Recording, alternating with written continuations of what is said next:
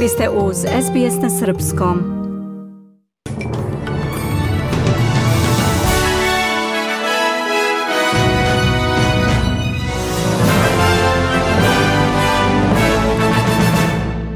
U Australiji se danas održavaju savezni izbori. Birališta širom zemlje otvorena su u 8 sati ujutro, a bit će zatvorena u 6 časova popodne.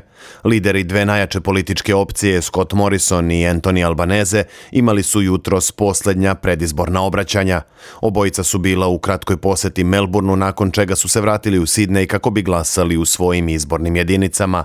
Albanese je poručio biračima da glasaju za laburiste kako bi obezbedili bolju budućnost. Birači bi trebalo da glasaju za jeftiniju brigu o deci, za akciju u vezi sa klimatskim promenama, kao i za sigurnija radna mesta i suočavanje sa izazovima troškova života. Laburisti će učiniti jeftinijim brigu o deci, ali i cene električne energije, podržavajući pritom razvoj obnovljivih izvora. Učinit ćemo i lekove jeftinijim, a nećemo kao ova vlada imati politiku nametanja niskih plata, poručio je Albaneze. Premijer Morrison je rekao da će glasanje za laburiste doneti više državnih dugova i veće poreze. On je za ABC istakao da je koalicija zaštitila radna mesta i preduzeća tokom pandemije i da želi da nastavi taj posao. Imamo konkretan plan da nastavimo s tim, a laburisti će doneti samo veći dug i veći deficit, a kada ne mogu da upravljaju financijama, onda uvek dolaze po vaš novac nametanjem većih poreza. To je ono što smo videli i što Australijanci treba da očekuju od njih, kazao je Morrison. Procenjuje se da bi jedna od ključnih izbornih jedinica na izborima mogao da bude Kujong u Melbourneu. U ovom sedištu savezni blagajnik Josh Freidenberg suočava se sa nezavisnom kandidatkinjom Monique Ryan. Freidenberg kaže da se osjeća ohrabreno pozitivnim prijemom na koji su naišle njegove reči na predizbornim skupovima. On kaže da se glasači suočavaju sa jačsnim izborom. To je izbor između premijera i koalicije koji su omogućili snažnu ekonomiju, imaju plan da je ojačaju u budućnosti i sa druge strane lidera laburista koji je dokazao da nije dorastao.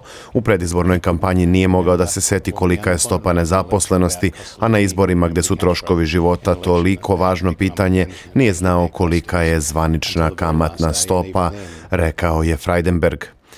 Njegova suparnica, nezavisna kandidatkinja Monik Rajan, kaže da je spremna da sarađuje sa celim političkim spektrom ukoliko dobije mesto u parlamentu. Priklonit ću se bilo koje od glavnih stranaka i radit ću sa ljudima na svim stranama političkog spektra kako bismo doneli efikasne mere u vezi sa klimatskim promenama i povratkom integriteta i transparentnosti vlade. Prelazimo na najvažnije vesti sveta. Rusko ministarstvo odbrane saopštilo je da vojne snage te države sada imaju potpunu kontrolu nad Čeličanom Azovstali i gradom Mariupolj. Objava je usledila nakon što su se ukrajinski vojnici iz Azovstala predali ruskim trupama. Predsjednik Ukrajine Vladimir Zelenski kaže da su vojnici dobili jasna uputstva da izađu iz Čeličane. Stvari su takve kakve jesu. Danas su momci dobili signal od vojne komande da su potpuno slobodni da izađu napolje i da spasu svoje živote. Zelenski je osudio raketni udar ruskih snaga u regionu Harkova i nazvao ga apsolutnim zlom.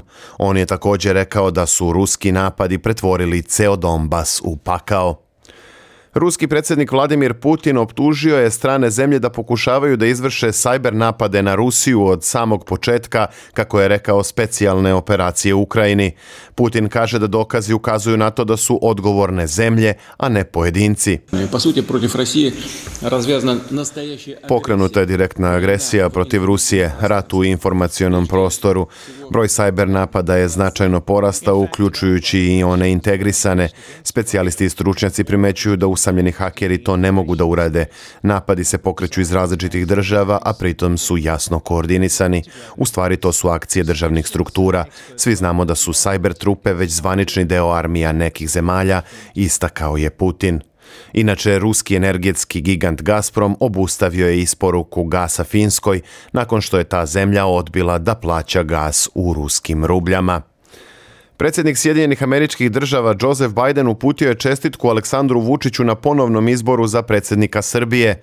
Biden u pismu navodi da se raduje što će dve zemlje da prodube blisku saradnju na unapređenju evropskih integracija Srbije, kao i na proširenju bilateralnih bezbednosnih i ekonomskih veza i unapređenju regionalne stabilnosti i prosperiteta.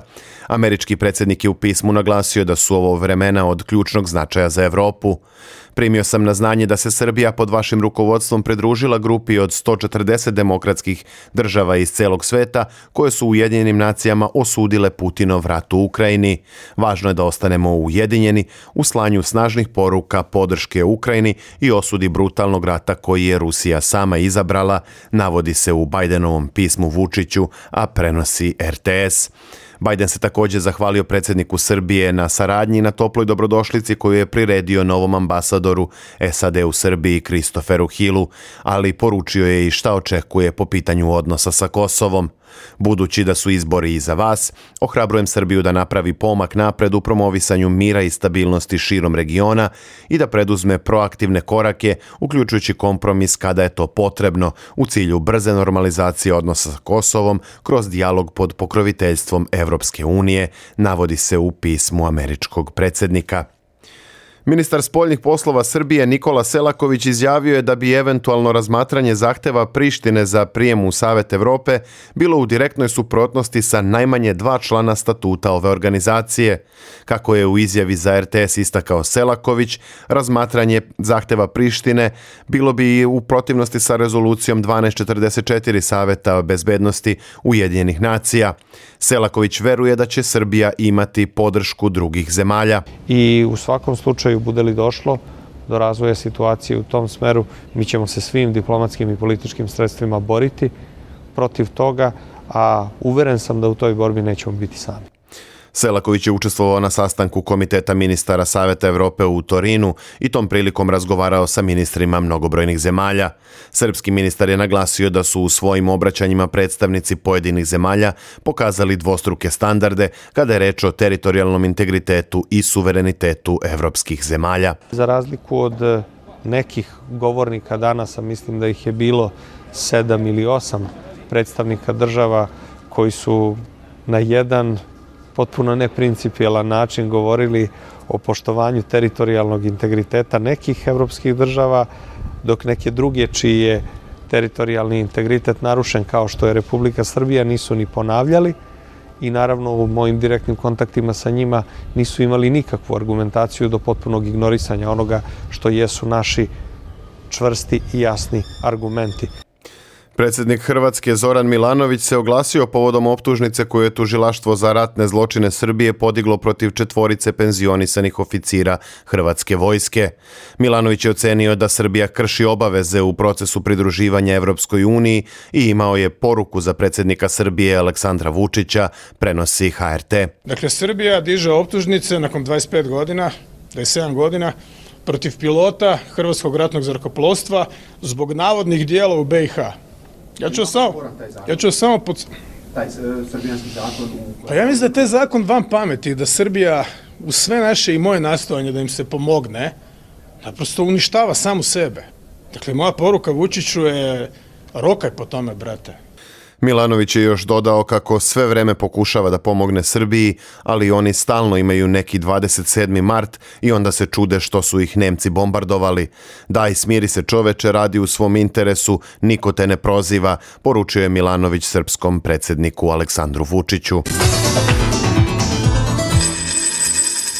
Na međunarodnom tržištu valuta jedan australijski dolar danas vredi 70 američkih centi, 67 eurocenti, 56 britanskih penija i 78 srpskih dinara i 35 para. Evo i vremenske prognoze za sutra. U Sidneju kišovito je najviše 19 stepeni, u Melbourneu povremeno oblačno i 14, a u Kamberi uglavnom vedro i 16. U nedelju u Brisbaneu pljuskovi i 21, u Adelaidu pretežno sunčano i 21, a u Pertu moguće nevreme maksimalnih 24 stepena. Na Tasmaniji oblačno i 14, a u Darwinu sunčano i 35. U Srbiji danas vedro, temperatura od 16 do 33 stepena. Slušali ste pregled vesti SBS radija na srpskom jeziku. Za više informacija posjetite sbs.com.au kosacrta news.